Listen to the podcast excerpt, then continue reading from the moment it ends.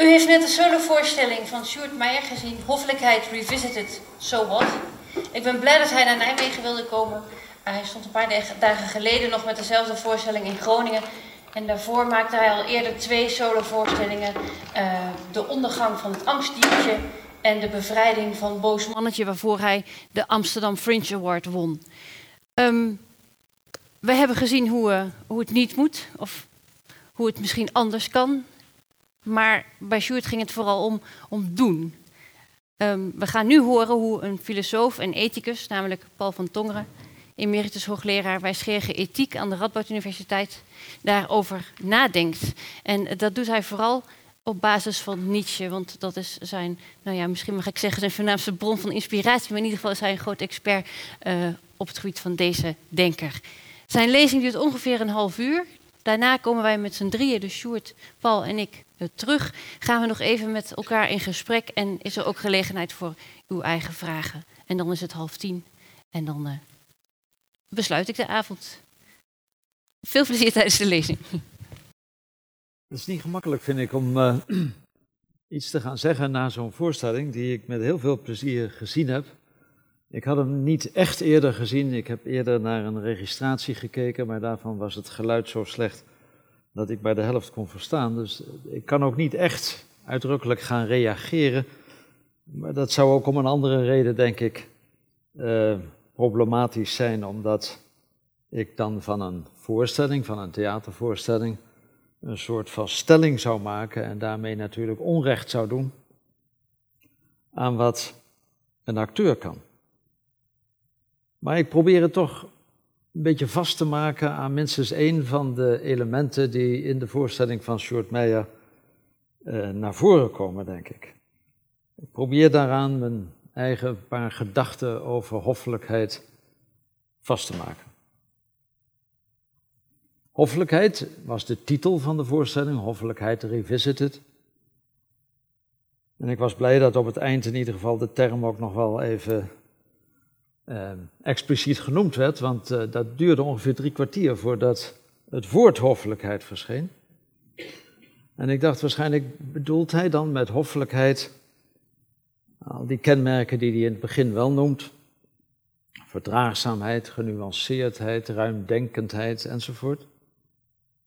Behulpzaam zijn, je niet laten gaan enzovoort.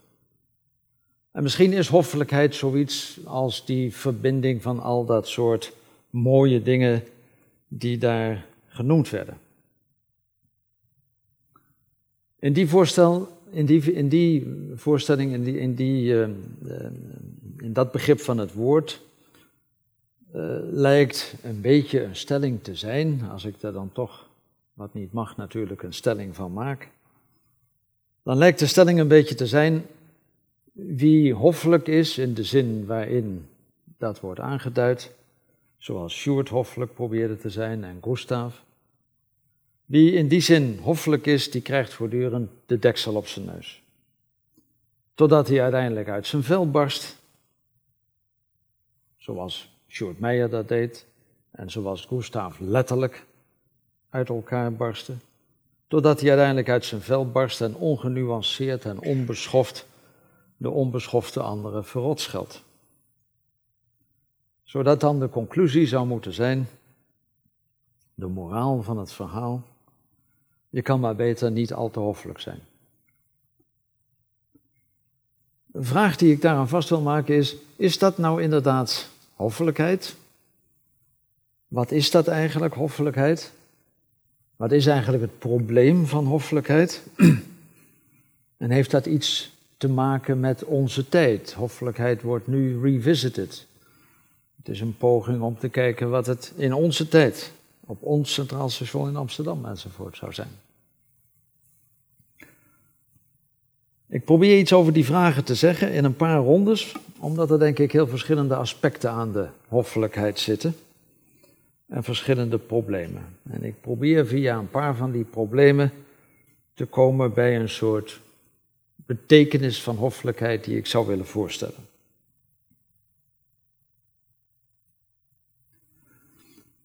Ten eerste, ik denk dat ik drie of vier van dat soort rondjes zal, zal maken. Ten eerste, Het probleem waarover Sjoerd Meijer het lijkt te hebben, minstens in de eerste helft van de voorstelling, lijkt te zijn: je kunt wel hoffelijk zijn, beleefd, netjes, ruimdenkend enzovoort. Maar de anderen vatten dat verkeerd op. En omdat die anderen het verkeerd opvatten en jezelf vooral probeert beleefd te blijven, heb je niet meer de mogelijkheid om je te verweren tegen dat verkeerde begrip van die anderen. Wat wordt er dan precies verkeerd opgevat? Nou ja, eh, zeg maar beleefdheid, hulpvaardigheid, wordt opgevat als bemoeizucht. Denk aan de jongen met het snotje op zijn neus. Wat is daar eigenlijk het probleem? En het probleem lijkt een misverstand te zijn. De jongen met het snotje op zijn neus begrijpt het niet goed. Die vat het verkeerd op. Er is een heel speciale vorm van misverstanden, denk ik, die te maken heeft met een bekende paradox van de beleefdheid. U kent die allemaal. Mensen die beleefd, hoffelijk zijn en de deur openhouden voor de ander en dan vervolgens voor elkaar de deur openhouden, die komen nooit de kamer binnen. Of u kent waarschijnlijk de sketch van Bert en Ernie, waarin, uh, ik weet niet meer, ik denk Ernie tegen Ernie moet een koek verdelen of een taart verdelen en geeft Bert het kleinste stukje. En dan zegt Bert dat dat niet netjes is om het kleinste stukje aan de ander te geven. En dan zegt Ernie, wat zou jij dan gedaan hebben? Nou, ik zou het kleinste stuk zelf genomen hebben. Waarop Ernie zegt, nou, dat heb je dan toch? Dat is een gedachte die ook in, bij serieuzere denkers voorkomt. Bij Nietzsche vind je dat ook. Nietzsche zegt, hoffelijkheid is mooi zolang de ander een beetje minder hoffelijk is dan jij. Want anders is de hoffelijkheid geen zalf, zegt hij, maar wordt het plaksel. Denk aan die situatie waarin twee mensen voor elkaar de deur openhouden. Die blijven genageld aan de grond staan voor de deur. Hoe is dat probleem te voorkomen? Ik denk door twee manieren. Ten eerste door die hulpvaardigheid of die beleefdheid verder te perfectioneren. Als ik kijk naar de traditie van de deugdethiek, dan worden daar zinnige dingen over gezegd. Een deugd is niet alleen je deugdzaam gedragen, maar vooral ook weten wat dat in bepaalde omstandigheden betekent. Een deugd impliceert het weten wanneer je wel en wanneer je niet op die deugdzame manier moet handelen. Tegenover wie wel en tegenover wie niet. Hoe lang wel en hoe lang niet meer. Een verfijnde manier van aanvoelen van de situatie en precies weten wanneer je wel en niet de deur open moet houden of er juist doorheen moet gaan. Dus dat is een perfectionering van de beleefdheid die het probleem kan voorkomen. Dat is een tweede manier die ik vooral bij Nietzsche vind en ook wel bij andere denkers in diezelfde geest, die zeggen, het probleem los je op, het probleem van het misverstand, en dat is het eerste probleem waar we het over hebben, het probleem van het misverstand los je op door jouw interpretatie op te dringen aan de anderen. Door zonder macht uit te oefenen toch gezag, gezag te tonen. Door te zorgen dat je niet misverstaan kunt worden. Wie dat perfect weet te doen, die is hoffelijk in een volmaakte zin van het woord. Die weet hoe te handelen en zorgt dat zijn interpretatie van de hoffelijkheid ook heerst, ook bij de ander heerst. Maar waarin bestaat dan die echte hoffelijkheid? Tweede ronde. Sjoerd Meijer heeft het vooral in het eerste half uur, drie kwartier. En eigenlijk ook wel in dat hele stuk over Gustav. Sjoerd heeft het eigenlijk niet zozeer over hoffelijkheid, denk ik, maar over hoffelijk willen zijn. Kortweg, niet zozeer over goed zijn, maar over goed willen zijn. Hij wil bovenaan staan, of daar was bovenaan geloof ik. En daar zit een interessant probleem aan vast, denk ik. Zoals dat mutatis mutandis ook bij andere zaken speelt, als bijvoorbeeld bij de ijdelheid en bij de scrupulositeit. Ik was een tijdje geleden bij een gelegenheid waar uh, ouders werden toegesproken door een van hun kinderen. en uh, dat kind dat de ouders toesprak had zelf filosofie gestudeerd, dus wist ook wel een beetje door te reflecteren. En die wilde zijn ouders bedanken bij die gelegenheid en deed dat in een toespraak waarin hij zei hoe blij hij was dat zijn ouders hem hadden opgevoed op de manier waarop ze gedaan, dat gedaan hadden. En toen zei hij, maar ja, als ik dat zeg, dat ik blij ben hoe jullie mij hebben opgevoed, dan zeg ik eigenlijk dat ik wel blij ben met hoe ik geworden ben. Maar dan zeg ik dus eigenlijk dat ik wel erg tevreden ben over mijzelf. En jullie hebben mij nou eigenlijk geleerd dat je beter niet altijd tevreden moet zijn over jezelf. Dat lijkt een beetje het probleem te zijn dat Sjoerd Meijer ook bezighoudt. Hij moet zichzelf lager plaatsen op de rangorde, omdat hij te trots is als hij ziet dat hij bovenaan staat. Maar als hij zich dan lager heeft geplaatst, dan is dat het bewijs dat hij eigenlijk bovenaan hoort. Dat is een probleem wat denk ik vastzit aan een laatmoderne ontwikkeling, waarin de moraal kleinburgerlijk, christelijk kleinburgerlijk geperverteerd raakt. Waarin de moraal geperverteerd raakt tot een soort cultuur van nederigheid en zelfopoffering. Een dergelijke tendens is er altijd misschien wel geweest, maar dat gaat in een bepaalde cultuur, in laatmoderniteit denk ik, heel sterk worden. Bescheidenheid als de grootste deugd. En die bescheidenheid wordt onvermijdelijk vals, omdat ze haast niet anders kan dan trots te worden op zichzelf. Ik ben toch wel echt een heel bescheiden mens. Het is toch wel goed dat ik zo bescheiden ben. Of de zelfopoffering, die steeds meer gaat genieten van het eigen altruïsme. Doet mij toch wel erg goed dat het mij alleen maar om het goed van de ander gaat. Ik denk dat dat probleem, wat in de voorstelling van Sjoerd Meijer een beetje een rol speelt, eigenlijk tegengesteld is aan wat hoffelijkheid eigenlijk is. Hoffelijkheid komt volgens mij uit een radicaal andere cultuur dan de cultuur van de scrupulositeit waar dit soort rare uh, perversies ontstaan. Hoffelijkheid hoort niet bij de moraal, bij de cultuur van de scrupulositeit en de hypocrisie, maar eerder bij een cultuur waarin degene die goed is ook van zichzelf weet dat hij goed is en van zijn eigen goed zijn geniet. Waarin morele kwaliteit niet tot uitdrukking komt in bescheidenheid en zelfopoffering en zelfwegcijfering, maar juist in een soort morele zelfvoldaanheid. En als u denkt dat dat een tegenstelling is, een contradictie in terminis, morele zelfvoldaanheid, dan betekent dat dat u thuis hoort in die geperverteerde kleinburgerlijke christelijke moraal. Ik denk dat Nietzsche in hoffelijkheid geïnteresseerd is, precies vanwege die andere cultuur waarin hij thuis hoort. Nietzsche noemt de, de, de hoffelijkheid een van de vier belangrijkste deugden.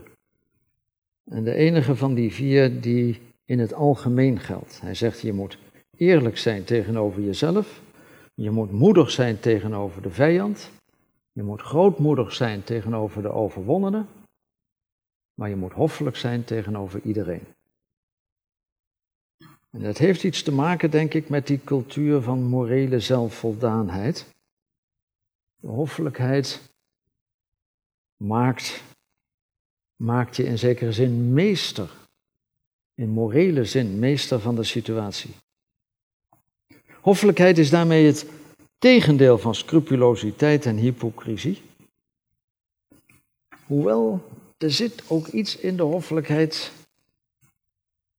wat haar dicht bij de hypocrisie brengt.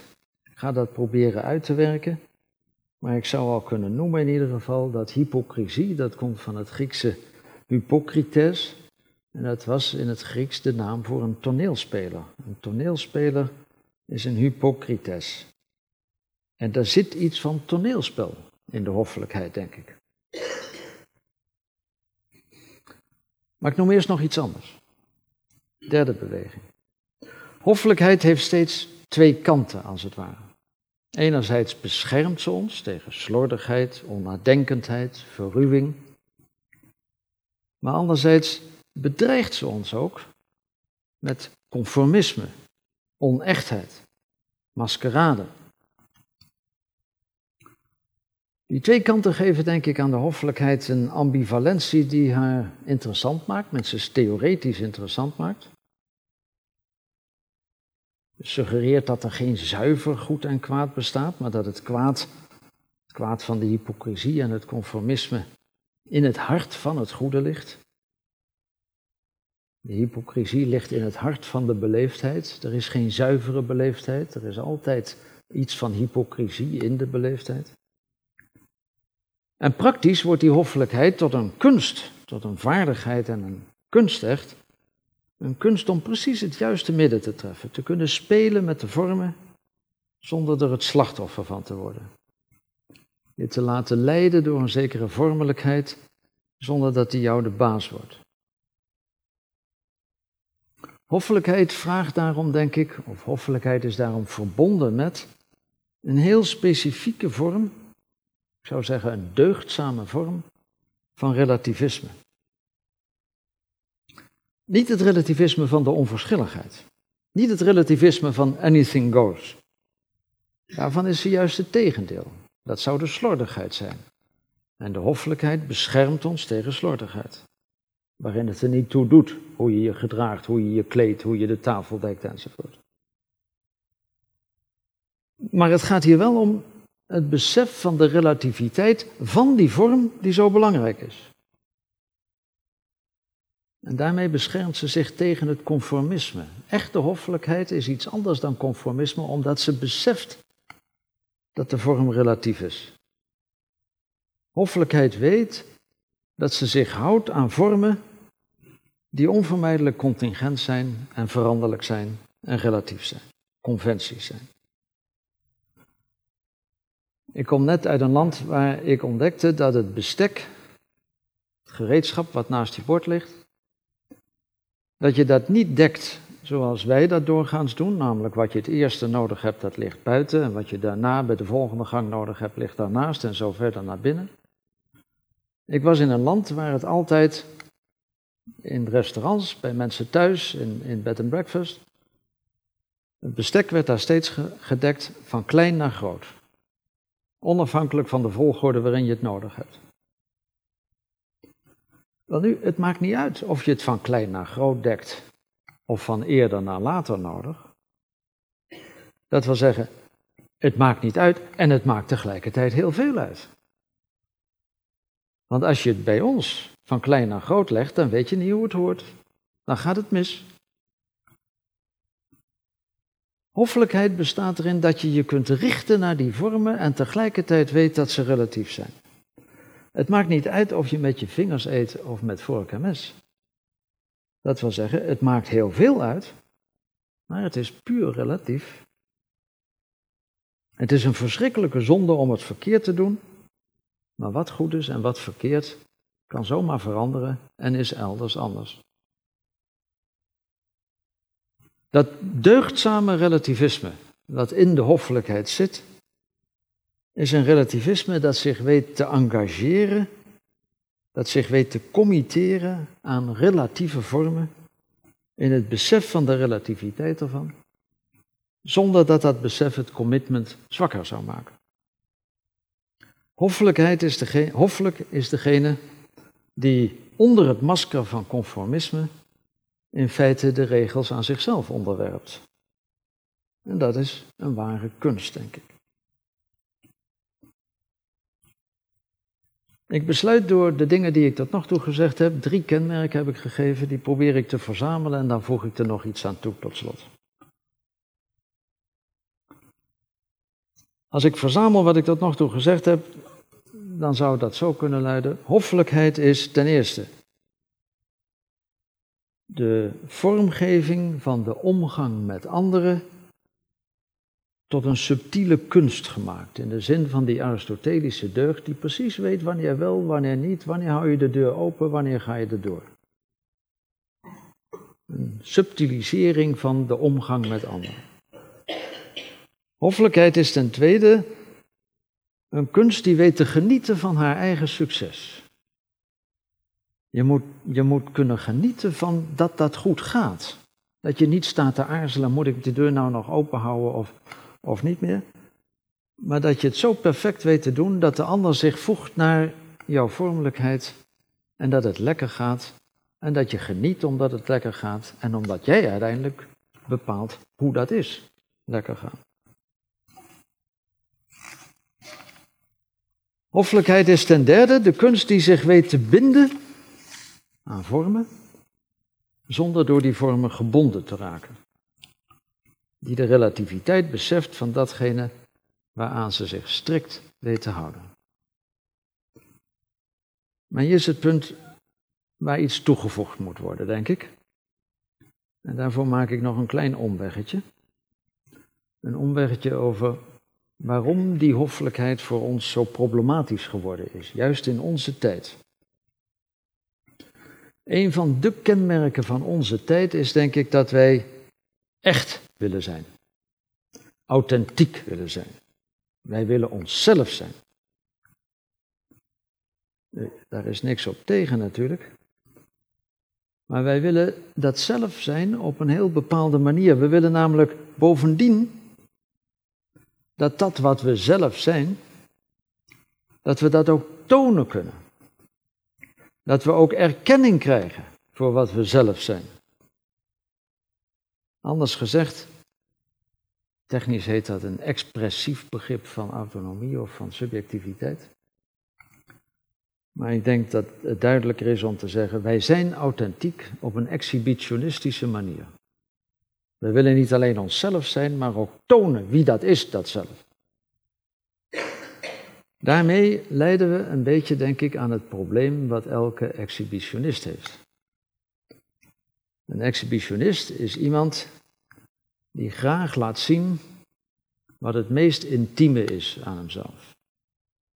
En wat blijkt, als hij het laat zien, is het precies hetzelfde wat iedereen heeft.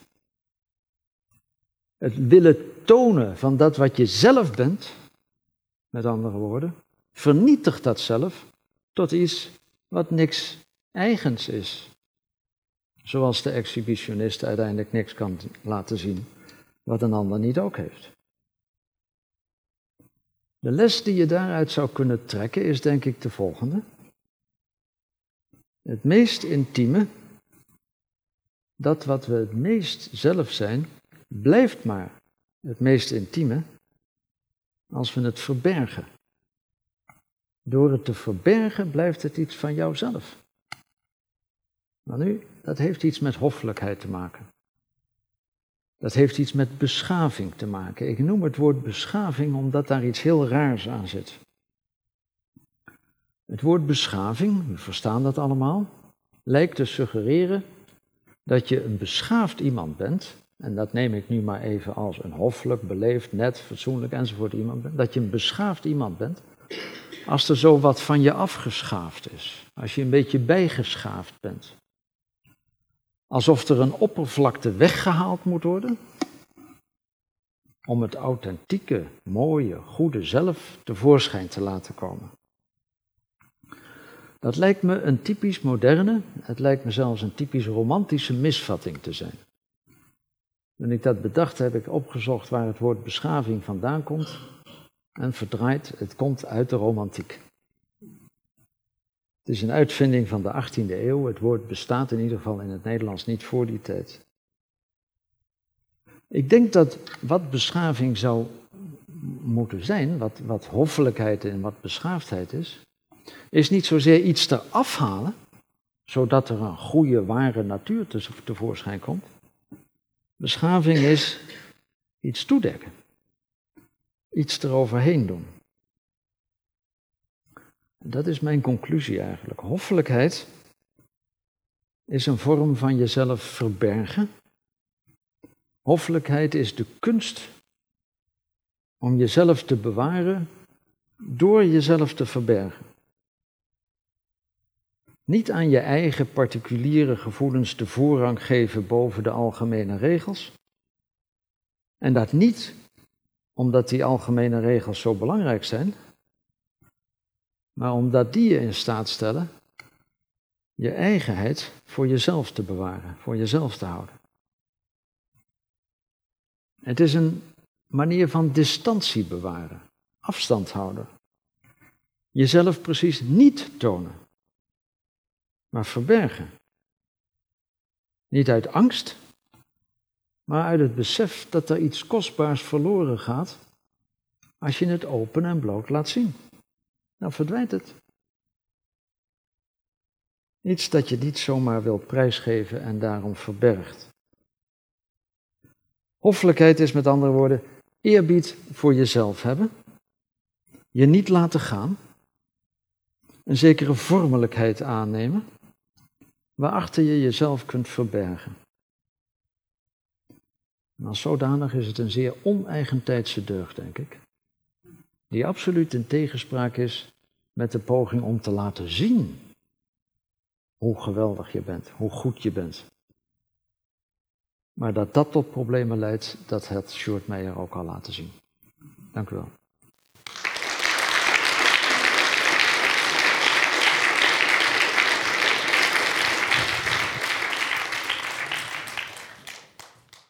Dankjewel, Paul.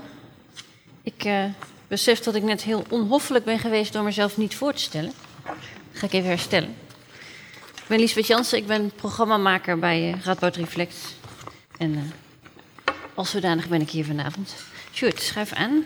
Dankjewel. Paul, om met jou te beginnen. Ik was aan het meeschrijven, jou, jouw conclusie van daarnet. En ik schreef op, jezelf bewaren door jezelf te verbergen je eigenheid voor jezelf houden. Het heeft iets met distantie te maken, uit het besef dat er, dat er anders iets kostbaars verloren gaat. En toen zei jij, dus hoffelijkheid is in eerste instantie eerbied hebben voor jezelf. En toen dacht ik, dat vind ik interessant, want als ik over hoffelijkheid nadenk, dan denk ik in eerste instantie niet aan mezelf, maar zoals ik ook bij jou zag, het gaat om een ander. En pas in tweede instantie, als ik me bijvoorbeeld, nou ja, de manier waarop een ander mij bejegent, ga ik over mezelf nadenken. Maar jij zegt nee, hoffelijkheid, dat gaat in eerste instantie over, over mij. Wil je dat nog iets verder uitleggen? Natuurlijk, hoffelijkheid toont zich in, voor een belangrijk deel, voor het overgrote deel, in wat je doet tegenover de ander. Dat je mensen niet beledigt, dat je ze zelfs vriendelijk bejegent, dat je, ze, dat je de deur voor ze openhoudt, dat je ik had vanmiddag een dame op bezoek die ik haar jas aangaf. En toen zei ze, jee, dat is mij nou in geen jaren meer gebeurd. Ik zei, ja, ik moet vanavond over hoffelijkheid spreken. Dus. Uh, maar dat zijn allemaal dingen die je doet, denk ik, op een wel bepaalde manier, namelijk op zo. Het is pas hoffelijkheid, moet ik zeggen, als je het doet op zo'n manier dat je één daarvan geniet, dat mhm. dat jezelf ook goed doet. Ja. Dat dat je onzekerheid wegneemt. Moet ik dat nou wel of niet doen? Een jas aangeven en een deur open houden enzovoort. En door de wijze waarop je, of door, door, door wat je doet ten opzichte van de ander, kun je daarom ervan genieten, omdat het jezelf een soort veiligheid geeft. Mhm. Het geeft je een bescherming. Het bevrijdt je als het ware van dat wat het sociale contact anders voortdurend is, namelijk een nou ja, wat al die andere mensen doen tegenover hem en tegenover Gustav. En die Beledigen en onver, onverwachte. Wie verwacht dat een, iemand die aanzichtkaarten verkoopt, dat hij kwaad wordt als je er een koopt van hem? Ja. Wie verwacht dat degene die je wil helpen om hem te beschermen tegen allerlei vervelende dingen die hem kunnen overkomen bij zijn sollicitatiegesprek, dat hij jou gaat uitschelden? We staan voortdurend bloot aan dat soort dingen. Dus elke sociale omgang is voortdurend een bedreiging van je eigen veiligheid. En je overwint als het ware dat gevaar door vormen aan te nemen waarin je de ander zo bejegent dat die zich aan die vormen onderwerpt en dat jij daarin veilig blijft en jezelf bewaart daarin. Ja, dus doordat je een soort basale veiligheid voor jezelf ervaart, ben je ook in staat om een ander op een bepaalde manier te bejegenen zonder dat het je eigenheid Ja. aantast. Zo. Maar er zit één, één, één extra opmerking, mo- moet ik daarbij maken. Want jij verstond het nu zo, alsof ik zou zeggen dat degene die hoffelijk is, het eigenlijk een- alleen maar gaat om zichzelf veilig te stellen. Die gerichtheid op zichzelf is precies niet nodig door die vormelijkheid. Ja, Dus doordat ik anderen netjes hun jas aangeef, de deur openhouden enzovoort, hoef ik helemaal niet meer te denken aan mijzelf, hoe ik mij overeind hou enzovoort. Dat gaat daardoor vanzelf. ja, Dus ik hoef me niet meer om mezelf te bekommeren, want het is omdat de vormelijkheid Ja. die ik in mijn gedrag ten opzichte van anderen vertoon, mij veilig maakt. Oké. Als we nu van daaraf kijken naar Sjoerd en naar Gustav, wat zou jij hem dan adviseren? Wat ging er mis?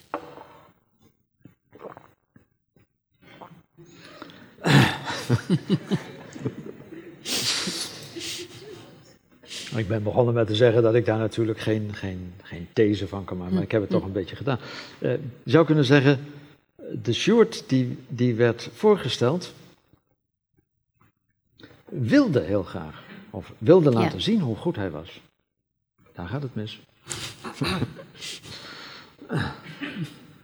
Daardoor kan je het niet meer zijn, Ja? denk ik. Als je iets wilt, dan kun je het niet meer zijn. Nee, als je goed wil zijn op die Ja. manier, Ja, dan krijg je de paradoxen die die prachtig heeft laten zien. Dan denk je, nou, heb ik morgen, ik sta bovenaan. Ah ja, maar dat is, niet, dat is juist niet zo netjes om bovenaan te zijn. Dus ik zet mezelf een beetje lager. ja. Kijk eens hoe goed ik ben. Ik kan mijzelf zelfs lager zetten dan ik eigenlijk verdien te zijn. Nou, dat, Ja. dat soort paradoxen zitten Ja. daaraan vast. Ja. ik. Sjoerd, ik weet niet, heb jij de lezing van Paul gehoord? Of Ja. was je nog aan het Ja, ontleden? ja, ik werd wel gezenderd ondertussen. En ik, moest Ja. even, eh, ik was een beetje aan het uitblazen, maar ik heb, eh, eh, ik heb hem geluisterd, ja zeker. En Ja. heb je iets van... Wat, wat is je opgevallen? Of, Nou, ten eerste wat hij zegt ehm, over het hoffelijk willen zijn. Dat is natuurlijk eigenlijk een lijn die door de hele voorstelling kan trekken. Om even binnen de voorstelling te reageren hoor. Mm. Dus zeker, daar gaat de voorstelling over. Je kan eigenlijk ook niet op het... Ja, als je op het toneel staat, dan, dan moet je wel iets willen. En eh, in dit geval was dat de, de, de grote wens om hoffelijk te zijn. Je, zou hem denk ik zelfs kunnen zeggen dat die wens doorgaat tot en met het allereinde.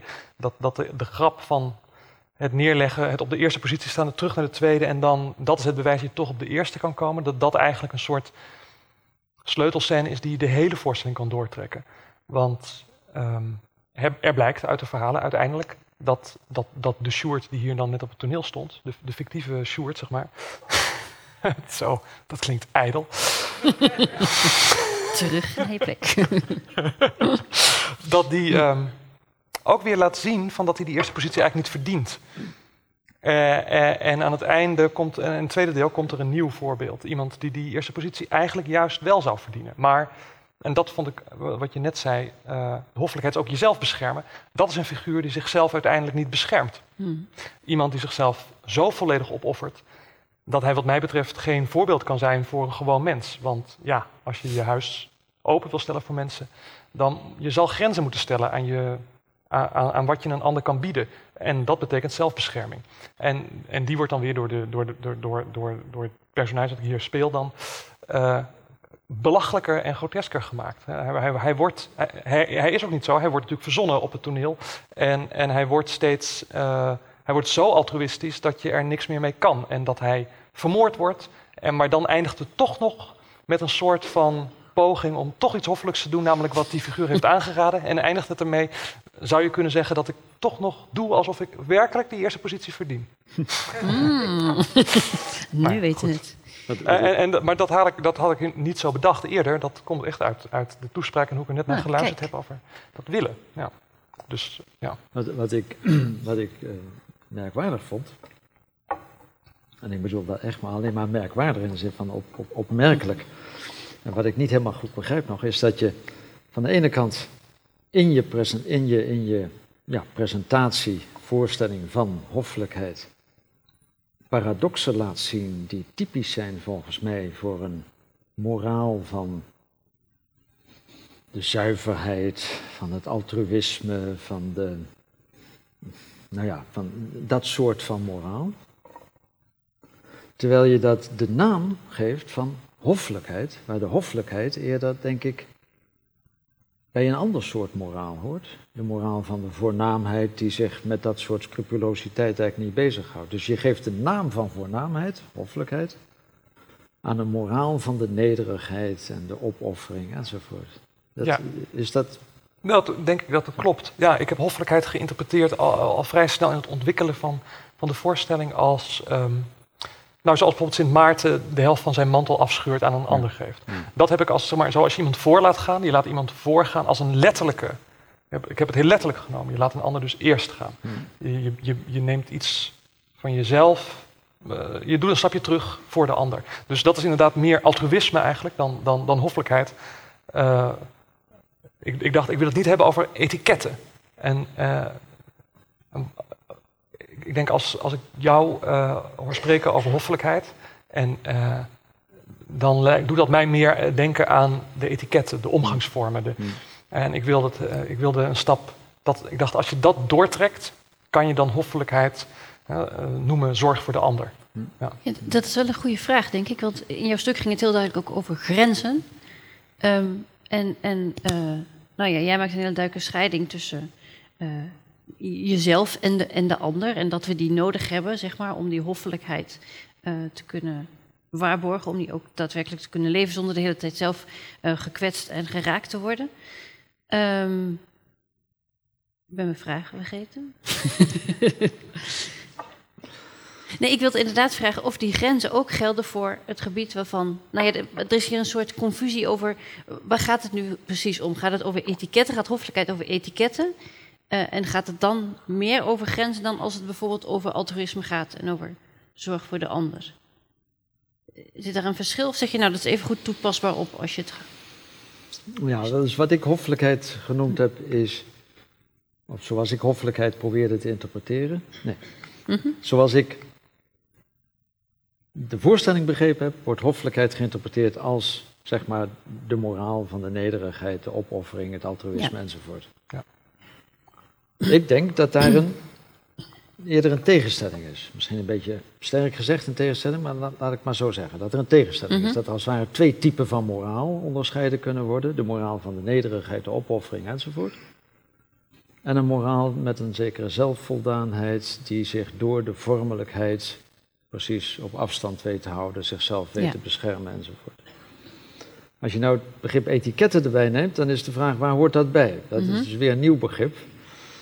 En Eh, en ik, ik, ik, ik begrijp denk ik wat je bedoelt, want in die vormelijkheid die bij mijn hoffelijkheid hoort, daar zit iets wat we in de etiketten ook hebben. Alleen de etiketten, zegt het al, een klein ethiekje, het, kleinige van de etiketten, Ja. eh, is eerder iets wat bij die andere moraal hoort, zou je kunnen zeggen. Het kleine, zeker als het ook nog kleingeestig wordt, als je helemaal gaat geloven in die etiketten. Ja, want het Dus gaat jou de- niet om de etiketten, geloof ik. Eh, Nee, maar er zit een zekere relatie. Dus Ja. Ik heb niet voor niks het voorbeeld gegeven van hoe je het bestek op een tafel dekt. Dat is volstrekt onbelangrijk. En tegelijkertijd moet je oppassen dat je het niet verkeerd doet. Eh, dat wil zeggen, je moet eigenlijk zo zeker weten hoe het moet, dat je helemaal niet meer hoeft op te passen dat je het niet verkeerd doet, maar dat je het vanzelf helemaal goed doet. Ja. Dat heeft iets met etiketten te maken. Maar het is niet de etiketten die je moet leren, waar je op gewezen kan worden. Het, het moet een soort van zelfsprekendheid Ja. hebben. Om het, die hoffelijkheid te laten zijn, Ja. denk ik. Ja. Ik kijk even naar de zaal, want we hebben nog, denk ik, een klein kwartier voor vragen. Daar zie ik een mevrouw met een sjaal. Mijn collega komt met de microfoon. Als u even wacht.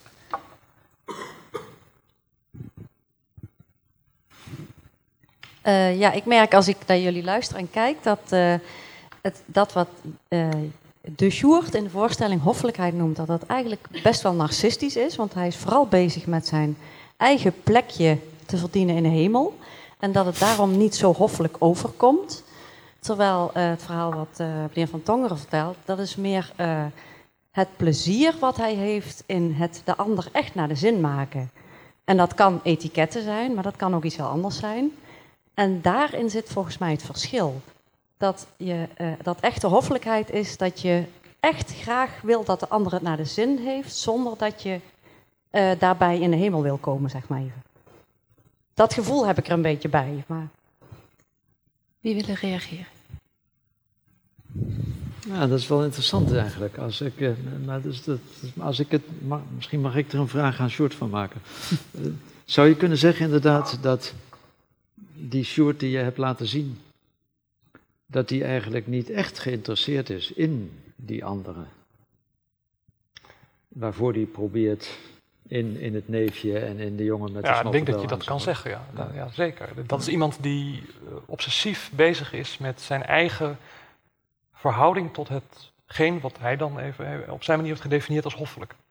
En dat is heel narcistisch, ja, dat, dat, eh, dat klopt. Maar dat, Dat is maar dat zo. geldt niet voor Gustav. Nee, dat geldt niet voor Gustav, maar Gustav is natuurlijk wel een, eh, voortgekomen uit de gedachtenwereld van die Sjoerd. Dus Dit is zijn ideaal. Eigenlijk is dit zijn, Gustav is eigenlijk zijn ideaal. Toch? ja, maar hij is... Tot op zekere hoogte. Tot, ja, tot, op- ja, maar hij durft. Nee, hij, hij zet eigenlijk niet zijn echte ideaal neer. Dat kan je niet zeggen. Hij, dat mislukt. Dat, dat is duidelijk, dat mislukt. En eh, misschien komt die Gustav een eind in de buurt. Maar hij is vervormd en grotesk en idioot geworden. Niemand heeft wat aan hem.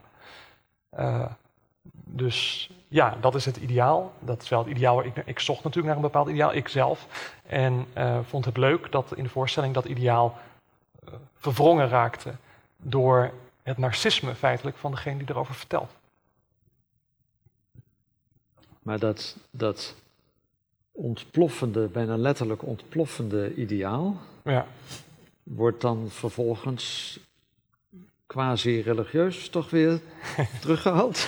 Ja, ja, ja. Nou, kijk, we zaten over het einde, dacht ik van ja, we konden ook eindigen met dat hij gewoon doodging en dat dat het einde was. En toen zei de regisseur tegen mij van, toen dat ik je speelde, gaat, gaat, het, gaat het eigenlijk wel goed met je?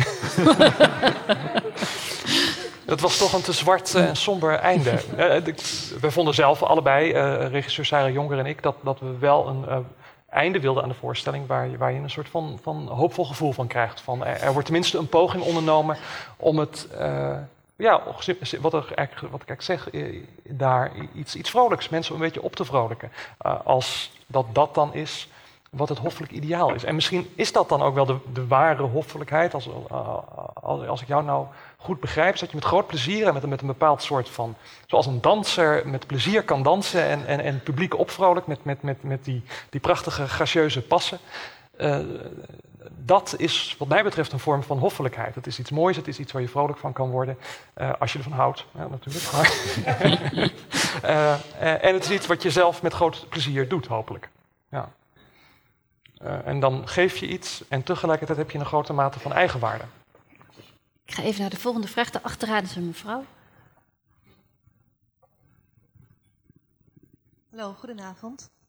Eh, dank u wel voor de prachtige voorstelling. Ik heb er heel erg van genoten.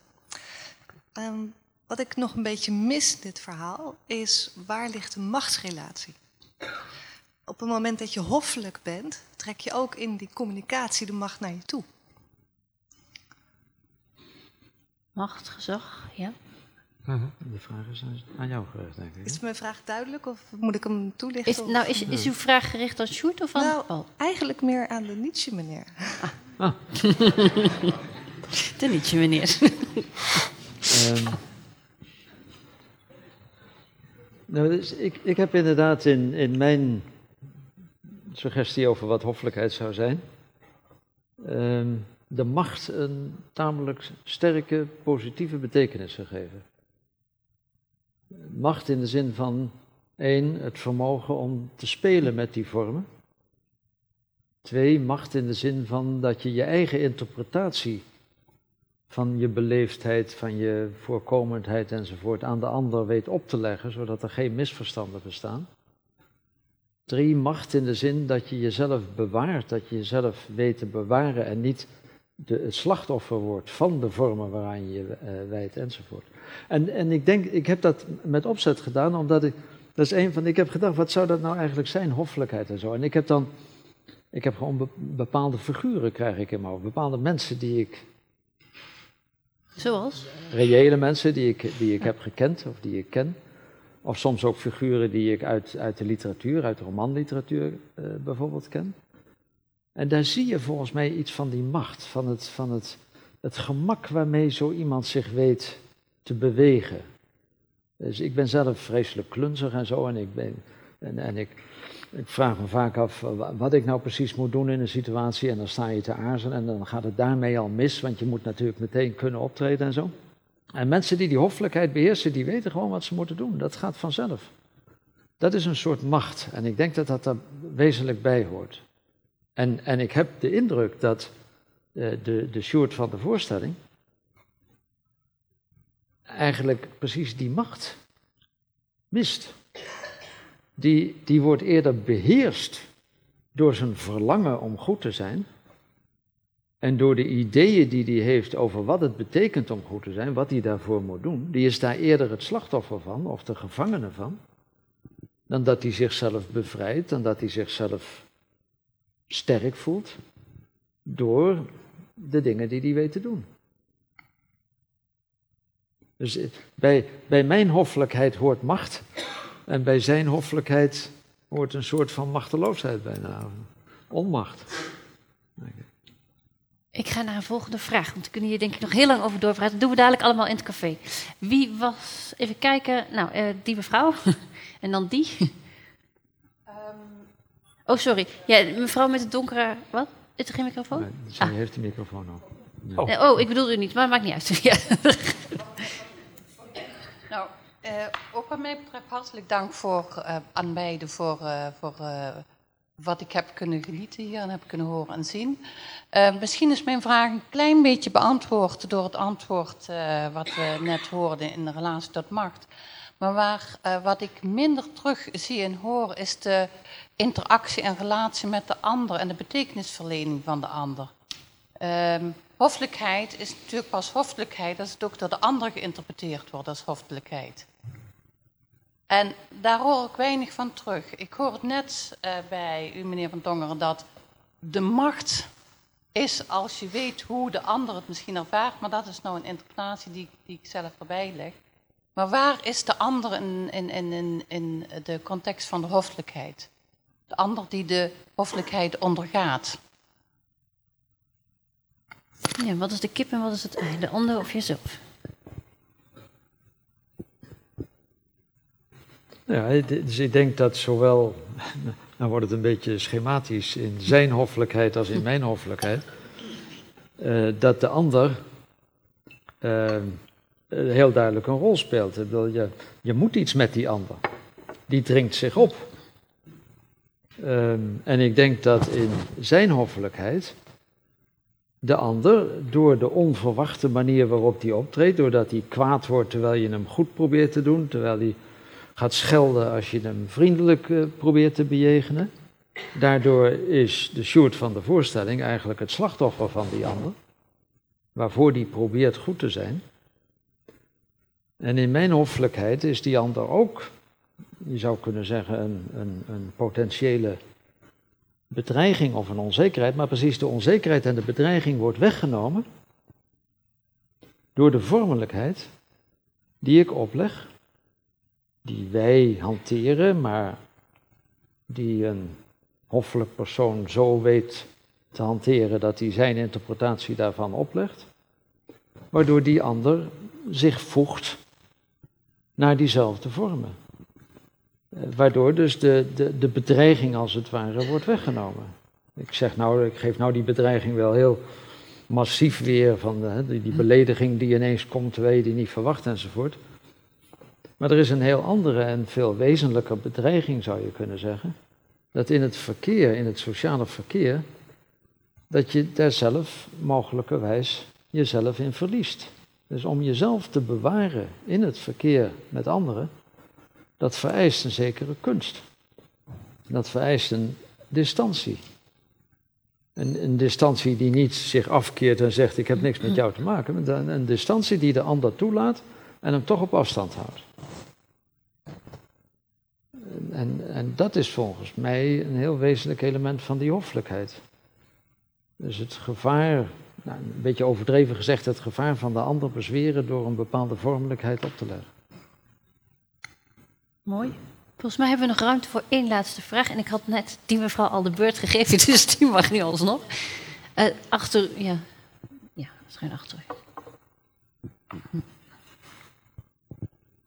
Um, ik zat te denken dat ehm, hoffelijkheid, de menslievendheid en de goedheid als het ware bewaart. Ondanks bedreiging. Dus dat je die overeind houdt.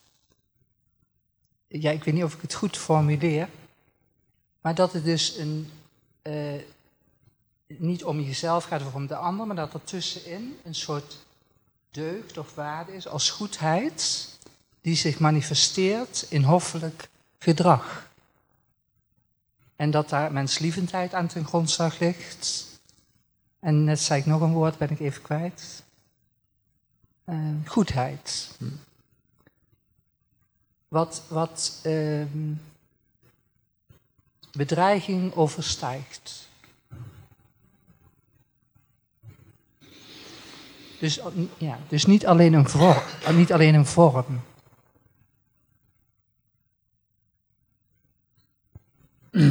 Nee, het, het, het gaat niet om de vorm. Uh, het gaat in, in, in de manier waarop je het bestek naast het bord neerlegt. Het, daar gaat het niet om. Maar het is wel heel belangrijk om dat te doen. Juist om, om bijna omdat het er niet om gaat, zou je kunnen zeggen, mag je daar geen fouten maken. Maar, en dat beschermt iets, die vorm beschermt iets. En het gaat om dat wat beschermd wordt door die vorm.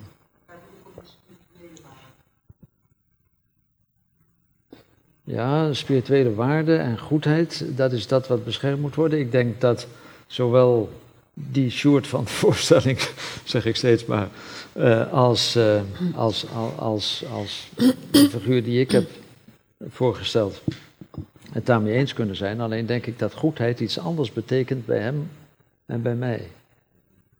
Of het de goedheid is van de zelfopofferende, zichzelf um, um, wegcijferende, aan de ander gewijde enzovoort houding. Of dat het de goedheid is van een zekere, maar ik zeg het maar een beetje uitdagend, zelfvoldaanheid. En dat zijn heel andere interpretaties van goedheid. En die zelfvoldaanheid heeft misschien wel een beter effect, niet alleen voor jezelf, maar ook voor de ander, dan het jezelf wegcijferen.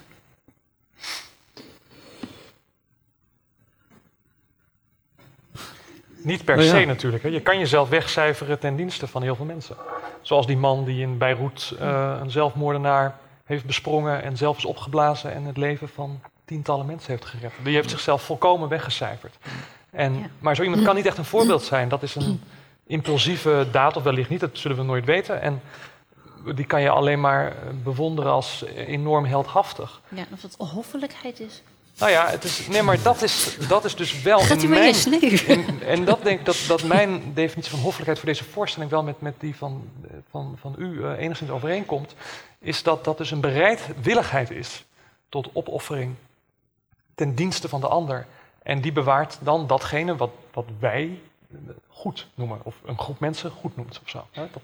Dus ja, en in die zin. Uh, ja, ja, dat is dus dat, dat, dat, uh, het, het, grote verschil in, in, in, in opvattingen, in, in de beide soorten hoffelijkheid die hier nu neergezet zijn. Maar uh, zo, zo heb ik er wel naar gekeken terwijl ik aan het werk was, als, als hoffelijkheid in, in die brede zin. Ja.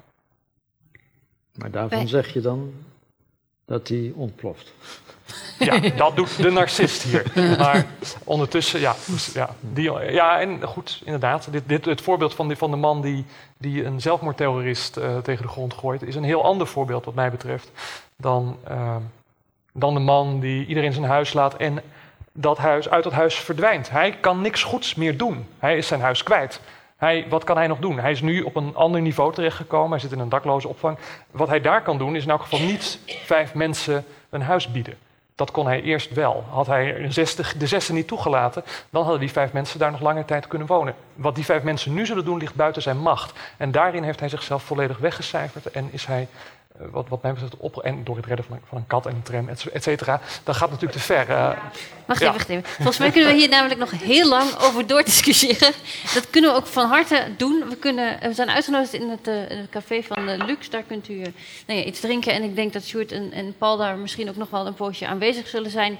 Um, Eh, ik ga u in ieder geval van harte bedanken dat u hier was, dat u meegedaan heeft aan de discussie. Ehm, ik wil natuurlijk allereerst ook Sjoerd Meijer en Paul van Tongeren bedanken voor hun spel, voor hun lezing, voor hun gesprek en voor hun inbreng. Ehm, wel thuis en wie weet tot dadelijk boven. Oh ja, boeken van Paul van Tongeren zijn nog te koop. Er is een boekentafel buiten in de gang. Dus uh, mocht u nog meer willen lezen over hoffelijkheid, dankbaarheid uh, en, en verschillende andere onderwerpen, dan uh, kunt u daar terecht. Tot ziens.